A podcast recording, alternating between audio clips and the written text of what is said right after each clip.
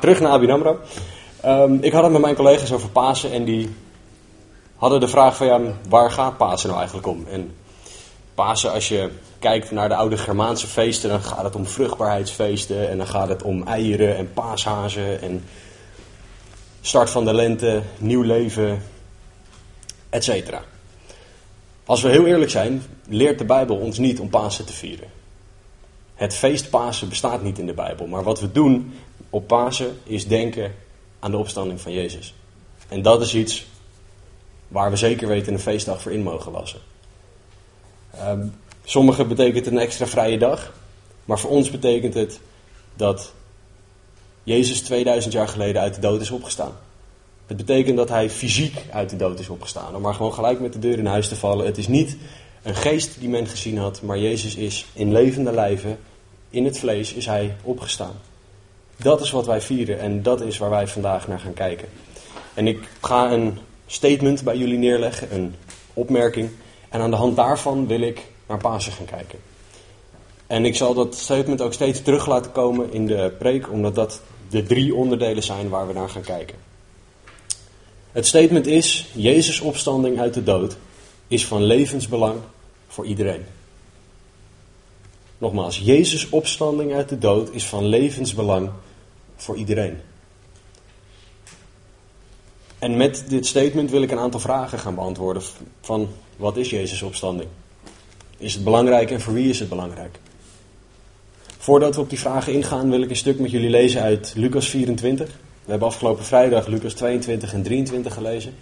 Was volgens mij een goede tijd, maar laten we dan nu doorgaan in Lucas 24. Ik zag Eveline ja knikken dat het een goede tijd was, ben ik niet de enige. Lucas 24, dat is uh, pagina 1664. Voor de mensen met een kleine blauwe bijbel. En ook de mensen met een grote zwarte. Wat heb jij nou? Wat, heb, wat voor bijbel heb jij dan? Maar die is ook niet, die is ook niet zwart. Oké. Moving on. Welke pagina is het bij jou? Dan hebben we dat gehad. 1304. 1304, oké. Nou, Lucas 24, vers 1 tot en met 12. En op de eerste dag van de week gingen zij, heel vroeg in de, ochtend, heel vroeg in de morgen, naar het graf. En brachten de specerijen mee die zij gereed gemaakt hadden. En sommigen gingen met hen mee. Zij nu vonden de steen afgewenteld van het graf. En toen ze naar binnen gegaan waren, vonden zij het lichaam van de Heer Jezus niet. En het gebeurde toen ze daarover in twijfel waren. Zie, twee mannen stonden bij hen in blinkende gewaden. En toen zij zeer bevreesd werden en het gezicht naar de aarde bogen, zeiden die tegen hen: Waarom zoekt u de levende bij de doden? Hij is hier niet, maar hij is opgewekt. Herinner u hoe hij tot u gesproken heeft toen hij nog in Galilea was. De zoon des mensen moet overgeleverd worden in handen van zondige mensen en gekruisigd worden en op de derde dag opstaan. En zij herinnerden zich zijn woorden. En toen zij teruggekeerd waren van het graf, berichtten zij dit alles aan de elf discipelen en aan alle anderen. En het waren Maria Magdalena, Johanna en Maria, de moeder van Jacobus, en de anderen die bij hen waren, die dit tegen de apostelen zeiden. En hun woorden leken hun kletspraat. Mooi woord. Maar zij geloofden hen niet. Maar Petrus stond op en snelde naar het graf. En toen hij zich vooroverboog, zag hij alleen de linnen doeken liggen. En hij ging weg en verwonderde zich over wat er gebeurd was. Laten we samen bidden en daarna zullen we de studie induiken. Heren, dank u wel dat we hier mogen zijn en dat we mogen vieren dat u uit de dood bent opgestaan. Heren, ik kan het niet vaak genoeg zeggen. Heer, ik bid dat uw woord zal spreken, heren. Dat u, de Heilige Geest, door, u, door uw woord heen zal spreken tot ons. Spreek door mij heen, laat mij geen woorden spreken die niet de bedoeling zijn. Maar heren, laat het zo zijn dat een ieder van ons aangeraakt wordt tot wat u te zeggen hebt vandaag. Heer, we bidden deze dingen in Jezus' naam. Amen. Normaal zijn jullie gewend dat ik dan nu vers 1 en daarna vers 2 en dat ga ik vandaag niet doen. Dit stuk in Lucas 24 ehm, zet de scène neer waarin we zijn. Jezus is opgestaan uit de dood en daar wil ik op ingaan. Dus nogmaals, Jezus' opstanding uit de dood is van levensbelang voor iedereen. Jezus' opstanding uit de dood, daar wil ik als ten allereerste op ingaan. Wat, wat, wat is dat nou? Dat kan ik in één zin zeggen. Jezus was fysiek dood en is weer tot leven gekomen. That's it. Dat is de fysieke opstanding van Jezus uit de dood. Niks meer, niks minder. Klinkt misschien een beetje raar, zoals de discipelen dachten dat het kletspraat was. Maar dat is wat Jezus' opstanding is. Afgelopen vrijdag, zoals ik al zei, hebben we Lucas 22 en 23 gelezen. En we hebben gezien wat Jezus allemaal onderging voordat hij überhaupt bij het kruis kwam. We hebben de weg gezien die Jezus ging. Dat, die wordt ook wel de Via Dolorosa genoemd. De lijdensweg van Jezus door Jeruzalem heen. En we hebben gezien daar in die hoofdstukken dat Jezus aan het kruis genageld werd. We hebben gelezen over het feit dat hij daar hing. In deze houding. Dat hij daar stierf. Dat Jezus het moment uitkoos waarop hij zijn laatste adem uitblies. En dat hij daarvoor zei: Het is volbracht.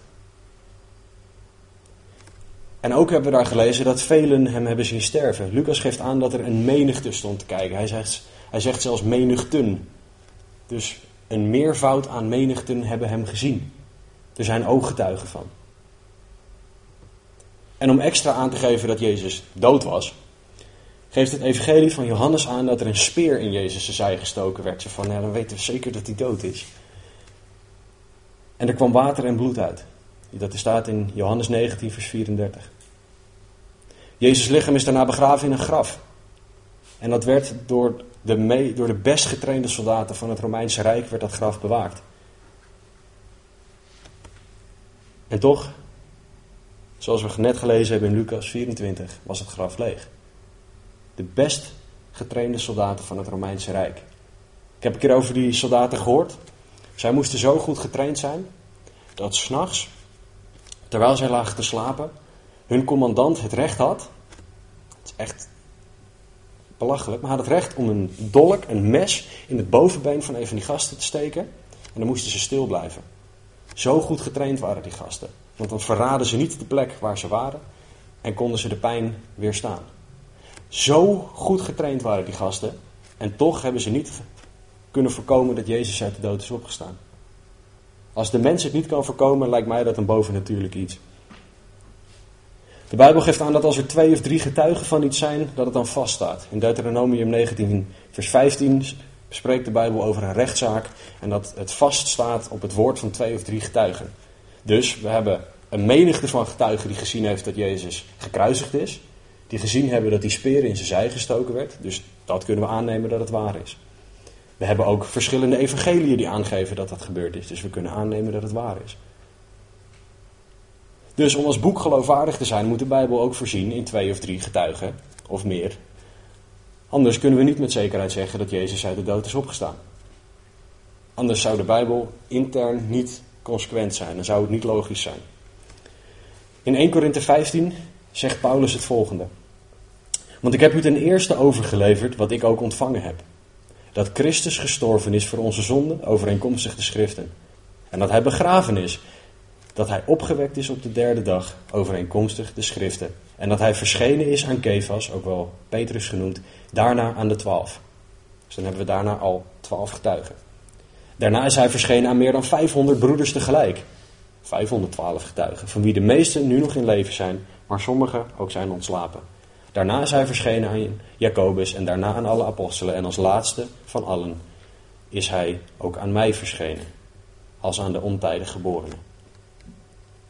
Nogmaals, Deuteronomium 19:15 geeft aan dat als je twee of drie getuigen ergens van hebt, dat het dan vaststaat. We hebben hier meer dan 500 getuigen. 1 en 1 is 2. Voor elk gerechtelijk systeem zou dat genoeg bewijs zijn om een zaak vast te stellen. Als je meer dan 500 getuigen ergens van hebt. Dus, ik denk dat we kunnen concluderen, ik geloof dat we kunnen concluderen dat Jezus echt uit de dood is opgestaan. Alleen al op het basis op basis van het aantal ooggetuigen. Maar mocht je nog niet overtuigd zijn, de Bijbel houdt daar rekening mee, dus geeft nog meer bewijs. Aan het einde van het hoofdstuk dat we net gelezen hebben, Lucas 24, in Lucas 24, vers 36 tot en met 43 staat het volgende. En toen zij nog over deze dingen spraken, stond Jezus zelf in hun midden en zei tegen hen: Vrede zij u. En zij werden angstig en zeer bevreesd en dachten dat ze een geest zagen. En hij zei tegen hen: Waarom bent u in verwarring? En waarom komen zulke overwegingen in uw hart? Zie mijn handen en mijn voeten, want ik ben het zelf. Raak mij aan en zie. Want een geest heeft geen vlees en beenderen, zoals u ziet dat ik heb. En terwijl hij dit zei, liet hij hun de handen en de voeten zien. En toen zij het van blijdschap nog niet geloofden en zich verwonderden, zei hij tegen hen: Hebt u hier iets te eten? En zij gaven hem een stuk van een gebakken vis en een honingraad. En hij nam het aan en het voor hun ogen op. Geesten eten niet. Laat staan dat ze drinken. Laat staan dat een geest aangeraakt kan worden. En een geest kan niet met meerdere mensen tegelijk praten. Laat als het een hallucinatie is, wat mensen ook nog wel eens zeggen, dan zouden niet 11 of 12 mensen die tegelijkertijd hebben. Dan zou je allemaal iets anders zien of hallucineren. De enige logische conclusie is dat ze allemaal Jezus gezien hebben. Dat ze Jezus fysiek gezien hebben. Dat Jezus daar gestaan heeft, dat Jezus een stuk van een honingraad en van een vis gepakt heeft, daar een hap van genomen heeft en het doorgeslikt heeft. En dat het in zijn lichaam zat. En dat Jezus dus fysiek uit de dood is opgestaan. Spurgeon zegt het als volgt: Ik prijs de Heer dat mijn verlosser niet dood is. Oftewel, Jezus is echt uit de dood opgestaan. Terug naar het statement. Jezus' opstanding uit de dood is van levensbelang voor iedereen. Ik wil nu inzoomen op het gedeelte dat het van levensbelang is. Wat betekent Jezus' opstanding? Nou, het is op zich leuk dat ik dat nu met een bepaalde logica opgebouwd heb. Dat ik kan laten zien dat het klopt. Maar wat maakt het nou uit?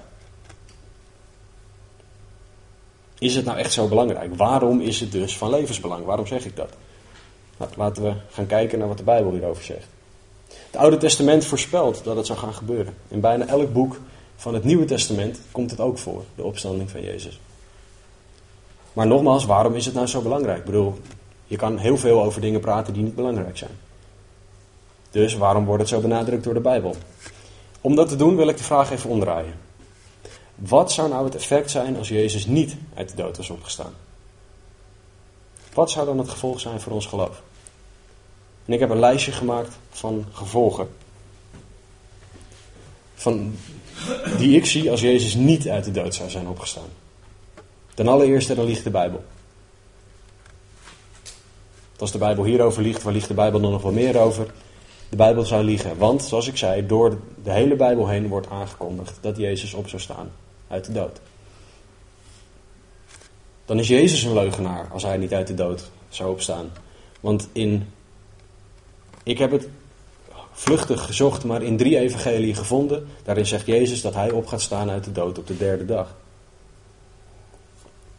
En als Jezus hierover liegt, waarover liegt hij dan nog meer? Kan hij wel zonde vergeven dan?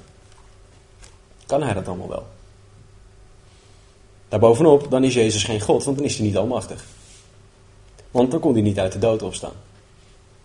Als Jezus niet uit de dood is opgestaan, is er iets of iemand sterker dan Jezus en is hij dus niet almachtig en is hij dus geen God. Heeft ook vrij grote implicaties, heeft heel veel effect op ons geloof als dat zo zou zijn. Bovenop vervulde Jezus niet alle profetieën die hij zou moeten vervullen. Psalm 16, Jesaja 53, Jona, Hosea, ik kan zo nog wel even doorgaan. Ik zal de rest van het lijstje iets sneller behandelen, maar ik heb er nog een aantal. Als Jezus niet uit de dood is opgestaan, dan is er geen toegang tot God de Vader. Dan heeft Jezus niet de weg bereid. Als Jezus niet uit de dood is opgestaan, aanbidden wij een dood iemand. Dat is hetzelfde als Mohammed aanbidden, want Mohammed is dood, dat weten we. Boeddha is dood, die zit in een urn, in een vaas ergens in het Midden-Oosten of in Azië. Dan zou Jezus in dat rijtje passen. Maar ik geloof dat Jezus in een heel ander rijtje past. Als Jezus niet uit de dood is opgestaan, kunnen we niet geloven. Dan is het christendom zinloos. Dan heeft Jezus de dood niet overwonnen. Dan kunnen we niet met God leven. Leven we geestelijk gezien niet. Is er geen leven na de dood? Hebben we geen advocaat in de hemel? Zijn de gelovigen niet behouden? Leeft de mens nog in de zonde? De lijst gaat maar door en door en door en door. Ik kan je alle Bijbelversen geven die erbij horen als je dat wil. Dat vond ik nu een beetje overkill. Maar dit is nog geen complete lijst van wat het gevolg zou zijn als Jezus niet uit de dood zou zijn opgestaan.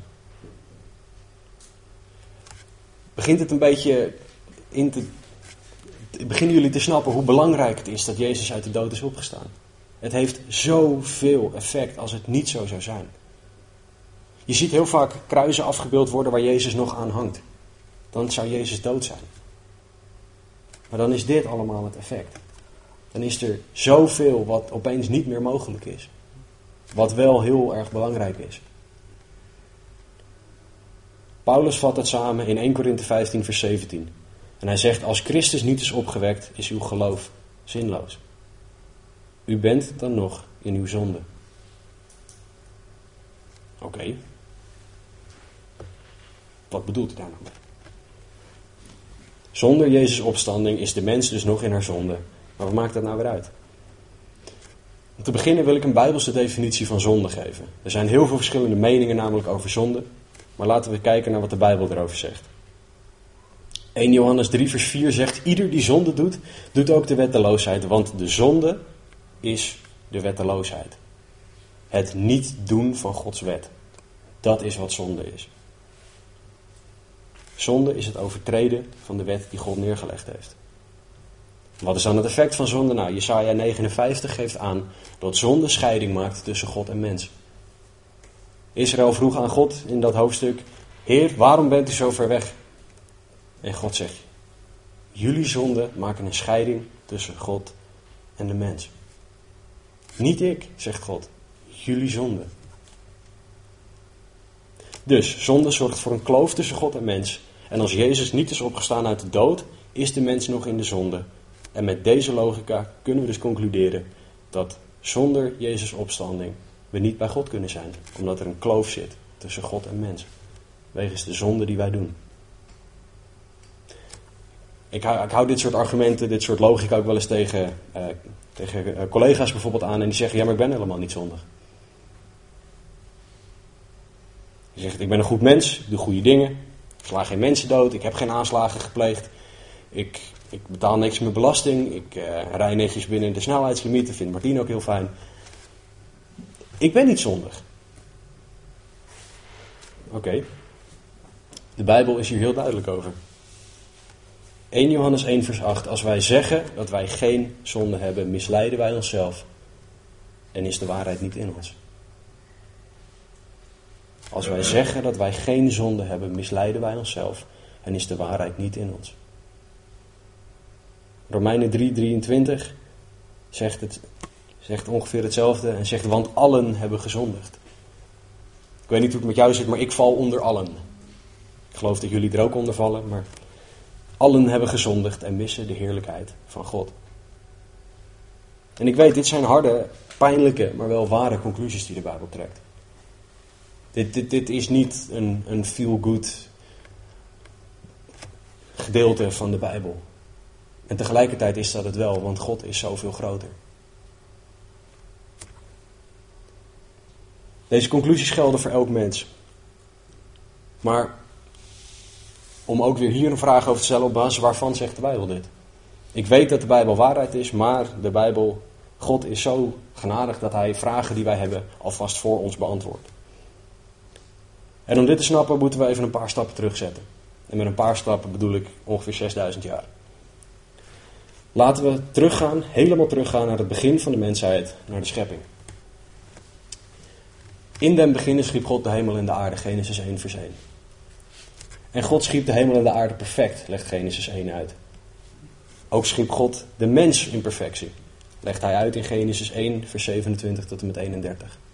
We hebben op dat moment dus de situatie, perfecte wereld, perfecte mensen, perfecte God. Die leven in perfecte harmonie samen. Voor de vleeseters onder jullie, toen, was, toen at men nog geen vlees, was iedereen vegetariër. Dat is pas vanaf Genesis 9 geloof ik gekomen dat we vlees gingen eten. Verder niks met de preek te maken, maar ik vond het altijd wel een leuk feitje. Um, er was op dat moment geen zonde in de wereld. Iedereen was perfect, sorry. In Genesis 3 kwam de zondeval. Zoals wij dat noemen. Het is gewoon een moeilijk woord voor de allereerste zonde werd begaan. De allereerste overtreding van Gods wet. Gods wet werd gedaan op dat moment. Jullie kennen het verhaal vast. Adam en Eva overtraden Gods wet door van hun vrucht te eten, niet van een appel, er staat een vrucht, waar ze niet van mochten eten. God zei, jullie mogen van alle bomen in deze tuin eten, behalve van die ene. En daar komt de natuur van de mens tevoorschijn. Als je tegen een kind zegt, je mag niet aan de stopcontact zitten, zie je die vingertjes al gaan. Adam en Eva overtraden Gods wet. En het gevolg van hun zonde is dat zonde een onderdeel werd van de mens. Psalm 51, vers 7 omschrijft het zo. Eh, David schrijft hier: Zie, ik ben in ongerechtigheid geboren. In zonde heeft mijn moeder mij ontvangen. Dus David zegt hier: Op het moment dat ik geboren was, was ik al een zondaar. Had nog niks fout gedaan, maar was al wel een zondaar, omdat het in zijn natuur, in zijn DNA zat. Ieder mens dat geboren is, heeft de genen van Adam en Eva meegekregen. Wij stammen allemaal van hun af. Ieder mens heeft dus de genen meegekregen om te zondigen. De wil om te zondigen hebben wij allemaal genetisch meegekregen. Door de keuze van Adam en Eva. En nogmaals, de Bijbel legt, dat legt uit dat zonde scheiding brengt tussen God en de mens. Terwijl in de perfecte situatie er geen zonde was. Dus we hadden een probleem. En de mens werd Gods perfecte tuin uitgezet en werd de wereld ingestuurd, die op dat moment ook zondig werd. Dus nogmaals, perfecte situatie. Adam en Eva maken er een zootje van. Laat voorop staan, wij zouden het niet veel beter gedaan hebben. Zij zondigen en daardoor zit sindsdien in het DNA van de mens dat wij zondig zijn. Geloof je me niet? Ik heb een aantal voorbeelden. Kijk maar naar een kind. Je hoeft een kind niet te, te, te leren om te liegen. Als ik naar mezelf kijk, ik herinner me nog echt als de dag van gisteren dat mijn moeder op een gegeven moment tegen mij zei: Casper, ik kan jou niet meer vertrouwen, want jij liegt zoveel. Gelukkig, hopelijk is dat nu anders. Um, maar ik hoefde niet onderwezen te worden in liegen. En het was niet, dit, dit is niet een jaar geleden, ik ben nu 24, dat ging over dat ik een jaar of tien was. Toen loog ik al zoveel dat mijn eigen moeder me niet kon vertrouwen. Ze kon niet geloven wat ik zei, want ze zei: Je vertelt zoveel fantasieverhalen, ik snap er helemaal niks meer van. Je hoeft een kind niet te leren om een snoepje te stelen van papa en mama. Je moet een kind juist leren om het snoepje niet te stelen van papa en mama. Sorry mama, ik heb vrij veel snoepjes uit de snoeptrommel gepakt. Een ander voorbeeld, als je denkt van, nou ja, dat zijn kinderen. Ik heb het altijd het Harvard Prison Experiment genoemd. Het is het Stanford Prison Experiment. Excuus daarvoor. Maar ik zal het uitleggen um, wat het is. En op basis daarvan mogen jullie beoordelen of de mens zondig is of niet. Een groep van 24 doorsnee Amerikaanse jongeren uit de middenklasse, die aan het begin van het experiment niet van elkaar verschilden, zouden twee weken lang gesplitst worden in de rol van bewaker of van gevangene in een namaakgevangenis. Deze namaakgevangenis stond in de kelder van de Stanford psychologieafdeling. Het toeval bepaalde de rolverdeling. Twaalf jongens mochten een uniform aandoen en kregen de opdracht: zorg voor orde, maar gebruik geen geweld. De twaalf anderen kregen een gevangenisplunje aan. Al snel gebruikten de bewakers opdrukken op één hand op de, met één hand op de rug als een straf. Voor het verkeerd aankijken van de bewaker. Voor het te hard praten. Voor het niet snel genoeg opeten van je toch niet al te lekkere eten. Voor het verkeerd opmaken van je bed. Ik ken niet heel veel mensen die met één arm op de rug kunnen opdrukken. Dat is echt heel zwaar. En dat was een straf. En als je dit niet goed deed, net zo lang doorgaan totdat je het wel kon. Opstandelingen werden met de brandblusser neergespoten. Ook je publiekelijk uitkleden was een straf. Naakt in cel gestopt worden. Eenzame opsluiting kon ook. En de agressie van de bewakers werd sterker naarmate het onderzoek vorderde. Sommige bewakers hadden er lol in om de gevangenen zeer vreed te behandelen als beesten. Niemand van de deelnemers zei tijdens het experiment: zo kan het niet meer. En op een bepaald moment gebeurden de mishandelingen s'nachts, omdat ze dachten dat de onderzoekers toen niet keken. Er hingen overal camera's, de onderzoekers zagen alles. De meerderheid was niet langer in staat om een onderscheid te maken tussen hun rol en hun eigen ik. In bijna elk onderdeel van hun gedrag, gedachten en gevoelens was er verandering te zien. En niet enkel de proefpersonen gingen tot het uiterste, ook de onderzoekers trapten in hun eigen val. Er was een buitenstaander nodig die zei van jongens, wat is dit voor een gruwelijk slechte situatie. En in eerste instantie werd die persoon nog afgewezen. Die zei nee, dit is gewoon een experiment. Mensen worden als beesten behandeld daar. En die onderzoekers hadden zoiets van, nee, is het onderzoek. Na zes van de veertien voorziene dagen werd het experiment acuut stilgelegd. Omdat ze toen pas door het blok beton voor hun hoofd heen kregen dat het toch wel heel erg onmenselijk was. Als de mens zelf de regels mag maken, is dit wat het gevolg is. Is de mens zondig? Ik vind van wel. Dus een tijd. Als de mensen gang mag gaan, krijg je dit soort vrede tafereelen. Dus, we hebben de mensen die in het DNA meegekregen heeft dat hij of zij zondig is. Elk mens. Elk mens handelt dus wetteloos. Want zonde is wetteloosheid. Maar wie maakt de wet dan? En wie besluit er dan dat die wet overtreden is? Gewoon om alle mogelijke vragen die ik kon bedenken uit de weg te helpen. En het antwoord simpelweg is God. God maakt de wet. De Bijbel maakt duidelijk in Openbaring 11:17 dat God almachtig is.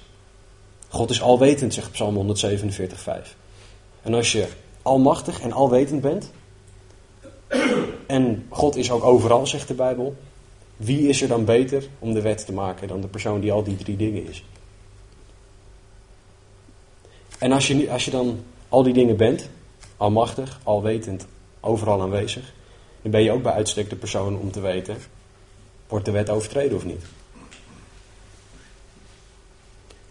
God is niet alleen almachtig, alwetend en overal aanwezig, maar de Bijbel geeft ook aan dat God een rechtvaardige rechter is.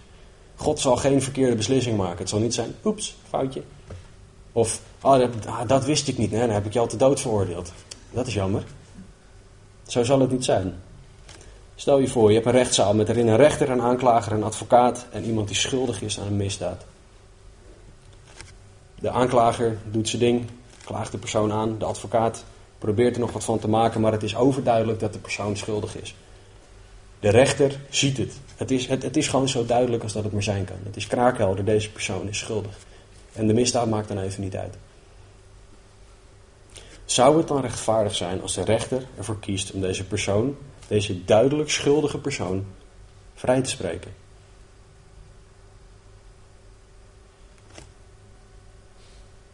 Dat is niet rechtvaardig. Als iemand duidelijk schuldig is voor het overtreden van de wet, dan moet de wet ook die persoon straffen. Zo werkt ons gerechtelijk systeem, zo willen wij ook dat het systeem werkt. Alleen op het moment dat het om ons richting, zonder richting God aankomt, dan willen we het allemaal anders. Ezekiel 18:20 zegt: De mens die zondigt, die zal, excuus, die zal sterven. De straf voor de zonde. God is altijd rechtvaardig en zal altijd rechtvaardig handelen. Dus ook in het geval van de mens die hij ontzettend veel lief heeft.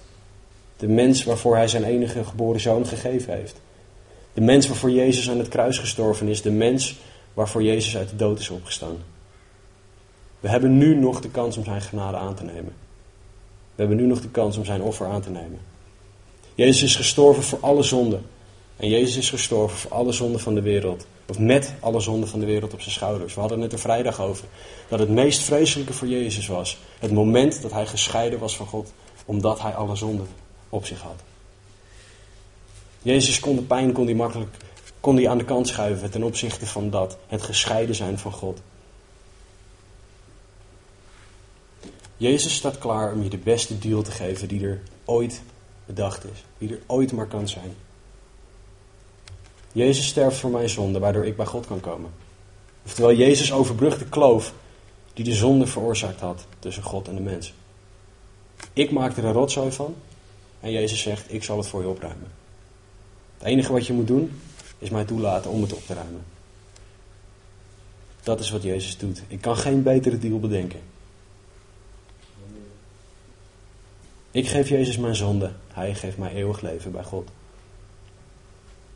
Maar zonder de opstanding van Jezus is dit allemaal niet mogelijk. Als Jezus niet uit de dood is opgestaan, kan hij niet redden, want dan is hij dood. En een dood iemand kan niet redden. Een dode redder kan geen genade geven. Een dode redder kan geen liefde tonen. Een dode redder kan niet voor ons pleiten. Een dode kan niks. En dat is niet om kwaad te spreken van de doden, maar dat is gewoon. Een dode kan niks. Een dode kan niet vergeven. Dus zonder Jezus' opstanding uit de dood is de mens nog steeds in zonde, omdat Jezus niet vergeeft. Als Jezus niet is opgestaan uit de dood, is de mens niet gered. Als Jezus niet is opgestaan uit de dood, kunnen wij ons eeuwig leven bij God vaarwel zeggen. Jezus' opstanding uit de dood is dus van levensbelang.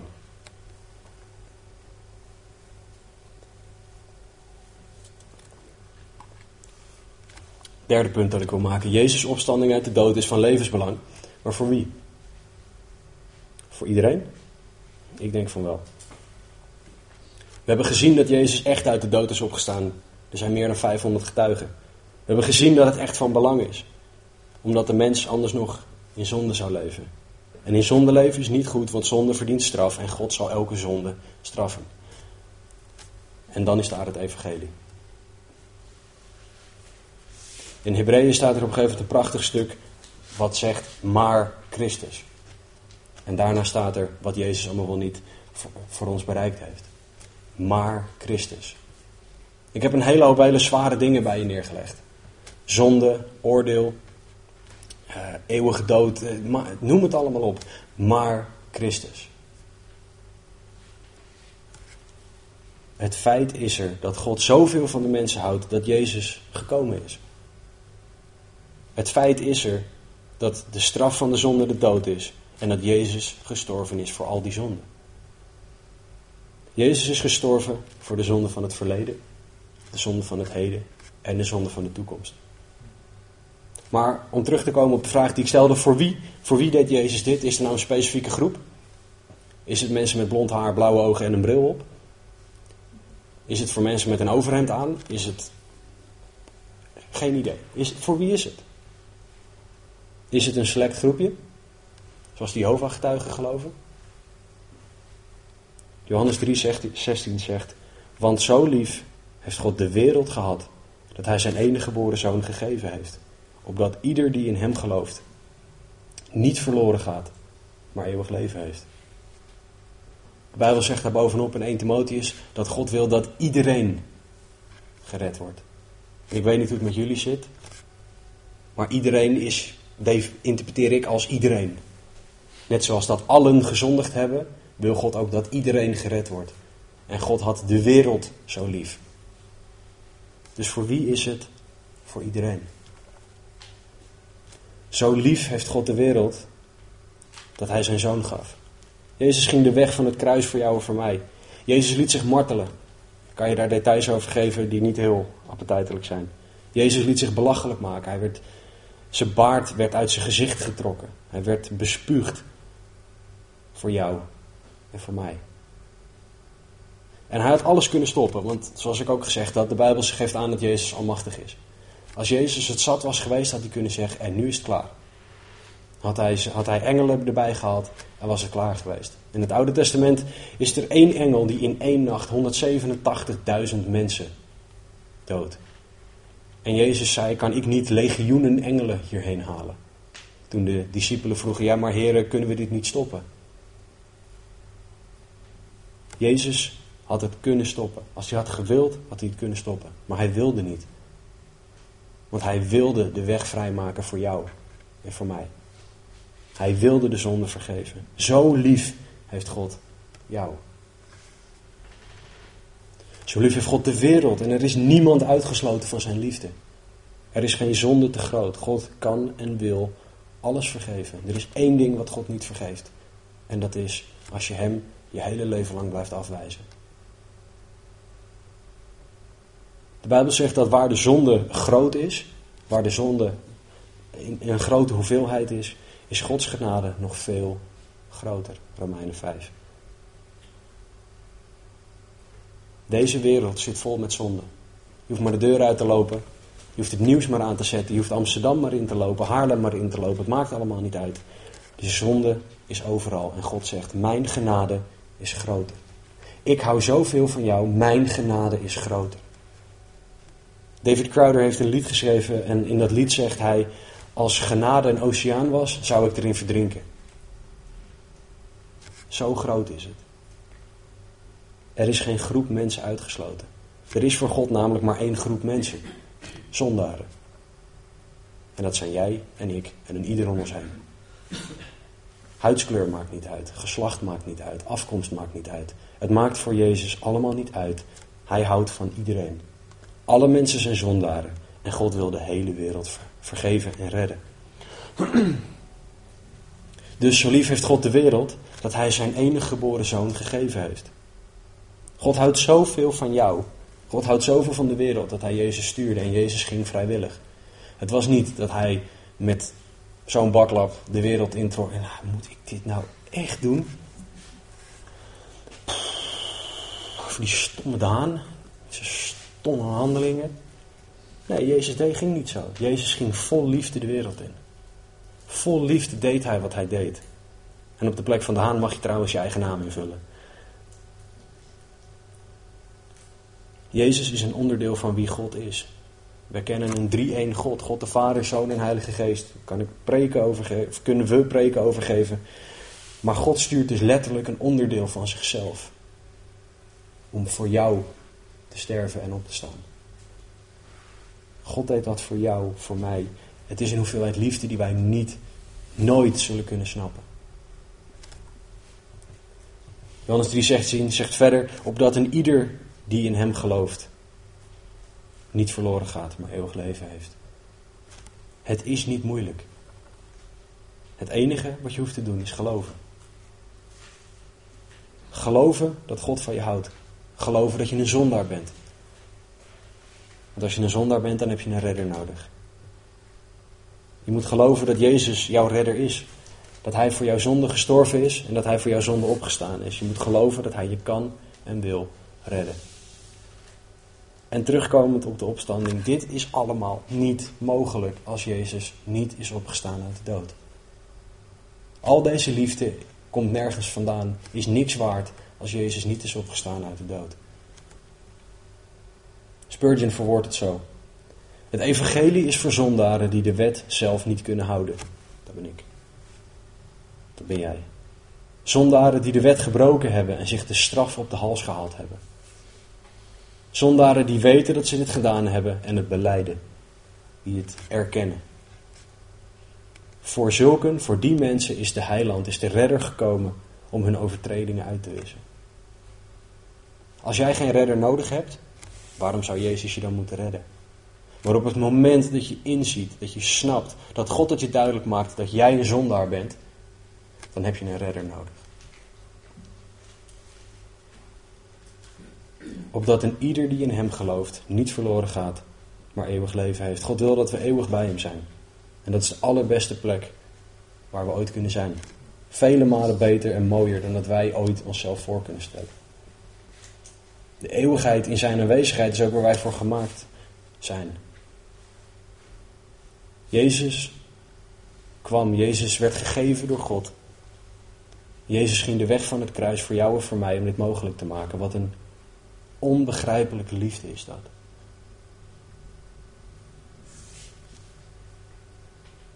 Ik sta er zelf versteld van, want ik, ik, ik snap het vaak helemaal niet. Heer, Waarom? Waarom ik? En dat is een verkeerde gedachte, want het is, ja maar God, u geeft liefde. En ik ben slechts de ontvangende partij. Ja maar God. Maar Christus kwam. En hij stierf en stond op. Jezus is opgestaan uit de dood. Jezus heeft de dood overwonnen. Jezus heeft laten zien dat hij God is. Dat hij almachtig is. En nu is de keuze aan jou. Accepteer je hem of accepteer je hem niet? En de mensen die ervoor kiest om Jezus niet aan te nemen, de mensen die ervoor kiest om zonder God te leven en dus in zijn of haar zonde te blijven, gaat naar een plek die de Bijbel de hel noemt. Je kan het niet mooier maken dan dat het is. En als je denkt, het is, het is geen liefde om over de hel te praten, Van de twaalf keer in het Nieuwe Testament dat het woord hel genoemd wordt, komen er elf van de mond van Jezus. Jezus sprak meer over hel dan wie dan ook. En tegelijkertijd zegt hij, maar mijn liefde is zoveel groter.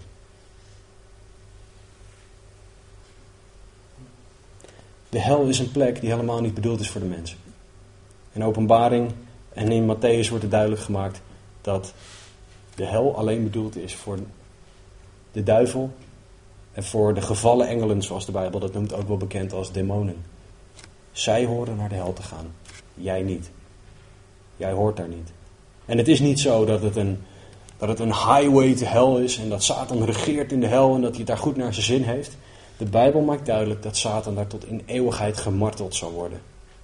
Dat hij het er niet voor het zeggen heeft dat hij het letterlijk leidend voorwerp in de hel zal zijn. Het is geen pretje om daar te zijn. En het is, het is belangrijk om goed te begrijpen dat God de mensheid heeft geschapen om eeuwig te leven. Alleen de vraag is, waar breng je die eeuwigheid door? Er is een leven na de dood voor ieder mens. Waar breng je het door? Marcus 16, 16 zegt heel duidelijk: Wie geloofd zal hebben en gedoopt zal zijn, zal zalig worden. Maar wie niet geloofd zal hebben, zal verdoemd worden. Je denkt misschien, Casper, wat, wat, wat, wat ben je nou allemaal voor zware, ingewikkelde dingen mijn kant op aan het slingeren? Dat klopt. En het is ook zwaar. Maar Christus. Christus is groter. Christus is sterker. Romeinen 6:23 zegt van het, het loon van de zonde is de dood, maar de genadegave van God is eeuwig leven door Jezus Christus onze Heer. Ja, we hebben aan de ene kant hebben we de dood staan en ja, we hebben de zonde staan, maar Christus is zoveel groter. De keuze is aan jou. Je kan het niet bij mij neerleggen dat ik het zo breng, want dit is wat de Bijbel zegt. De keuze is aan jou en jij moet de juiste keuze maken. God zegt nogmaals dat hij wil dat iedereen gered wordt, 1 Timotheus 2:4. Maar hij laat ons de vrije keuze om voor hem te kiezen of niet. God wil geen robotten die gewoon doen wat ze, wat ze moeten doen omdat God het nou eenmaal aan ze opdraagt. Dat wil God helemaal niet. God wil dat wij in liefde hem achterna gaan. God wil dat wij voor hem kiezen. Dat we de keuze maken om hem lief te hebben. En vandaag heb jij die kans om te kiezen. Voor het eerst opnieuw. Ik heb het nodig om vaak deze keuze opnieuw te maken. Omdat ik merk dat ik terugval. Dat ik zonde opeens toch weer aantrekkelijker vind dan God. Vandaag heb je de keuze. Vandaag heb je de kans om je van je zonde af te keren en je leven aan Jezus te geven.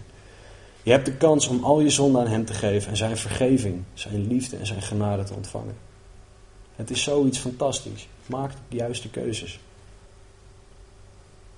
En het is zo fijn, vind ik, om aan Jezus' opstanding te denken.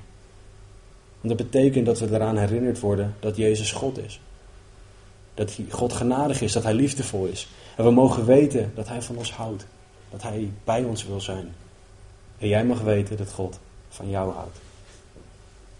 Johannes 3:16, want zo lief heeft God de wereld gehad, dat Hij zijn enige geboren zoon gegeven heeft, opdat een ieder die in Hem gelooft niet verloren gaat, maar eeuwig leven heeft. We hebben het stuk uit Lucas gelezen. We hebben gezien dat Jezus echt uit de dood is opgestaan. We hebben gezien dat het van levensbelang is. Omdat wij in onze zonden zijn. Omdat wij mensen zijn die zondig zijn. We hebben gezien dat Gods genade, die zoveel groter is dan die zonde, er voor iedereen is. Maak de keuze. Als je Jezus offer en opstanding nog nooit aangenomen hebt, als Jezus nog niet de verlosser en Heer van jouw leven is, bid erom. 1 Johannes 1 vers 9 zegt, als wij onze zonde beleiden, Hij is getrouw en rechtvaardig om ons de zonde te vergeven en ons te reinigen van alle ongerechtigheid. Dit is iets wat een hele hoop woorden zijn voor spreek hardop uit tegen God. God, ik ben een zondaar. Vergeef mij alstublieft. Ik heb u nodig. Vraag of iemand samen met je wil bidden als je niet weet wat je moet zeggen.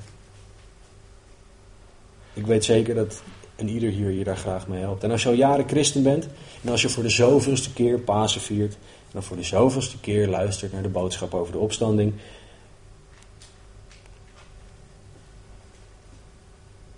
dan kan het zijn waarde lijken te verliezen. Ik zat zo te worstelen met deze preek. Wat betekent het nou? Heer, alweer de opstanding. En daarna bedacht ik me, alweer de opstanding. Heer, dank u. Dank u voor de opstanding uit de dood. Dank u dat het zoveel effect heeft. Misschien doet het je niet zoveel meer dat Jezus uit de dood is opgestaan. Misschien denk je, nou, laat hem maar lekker blaten. Ik denk niet dat dat juist is.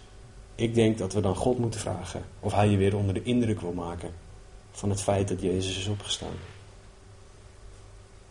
Ik denk dat de meeste van jullie die al langer, langere tijd in de kerk komen, Johannes 3,16 op kunnen dreunen. Dat jullie het vers zo uit je hoofd op kunnen zeggen. Maar wat doet dat versje nog? Wat betekent het voor jou dat Jezus dat gedaan heeft? Wat betekent het voor jou dat God jou zo lief had? Dat God de wereld zo lief had? Wat betekent het voor jou dat Hij zijn enige geboren zoon gegeven heeft? Wat betekent het voor jou dat je moet geloven dat je niet verloren gaat, maar dat je eeuwig leven hebt? Wat betekent dat voor jou? Vraag God om je weer onder de indruk te maken. Bid dat God je hart zal veranderen. Leg jezelf bij Hem neer. Laten we bidden. Heer Jezus, dank u wel. Dank u wel dat u de weg gegaan bent. Dank u wel dat u de prijs betaald hebt. Dank u wel dat de zonde die ik bega, dat u de rotzooi daarvan opruimt. Heer, dank u wel dat u mij zo lief hebt. Dank u wel dat u ons zo lief hebt. Heer, ik bid dat u tot ons zal spreken vanochtend. Heer, raak onze hart alstublieft aan. Heer, want wij hebben het nodig allemaal om door u aangesproken te worden op dit gebied. Heer, want wij zijn allemaal zondaren. Heer, leid ons om onze zonde bij u neer te leggen. Om onze zonde te beleiden, zoals de Bijbel dat noemt. Heer, help ons om met anderen te bidden. Om sterk te staan, Heer, door samen naar u toe te gaan. Samen in onderworpenheid aan u te bidden. Heer, help ons om te bidden, samen, Heer, dat u zal vergeven. En dan zegt uw woord dat als wij bidden naar uw wil, dat we zullen krijgen waarom we vragen. Heer, spreek alsjeblieft tot ons. En hou, uh, hou gewoon je ogen dicht. Luister naar de liederen. We zullen een tweetal liederen samen zingen. Maar laat laat de tekst op je inwerken. Luister naar de woorden. En laat God zijn werk doen. Als je vragen hebt of als je gebed nodig hebt, spreek mij aan. Dat kan tijdens deze liederen, dat kan na afloop van de dienst. Spreek iemand om je heen aan die met je wil bidden. Laat het zo zijn dat je niet hier weggaat zonder dat er iemand voor je gebeden heeft als je dat nodig hebt. Ik bid, Heren, dat u zal spreken tot een ieder van ons. Heren, want u bent God en u wil dat een ieder gered wordt. Dank u voor die liefde, voor die genade. Heren, dank u wel.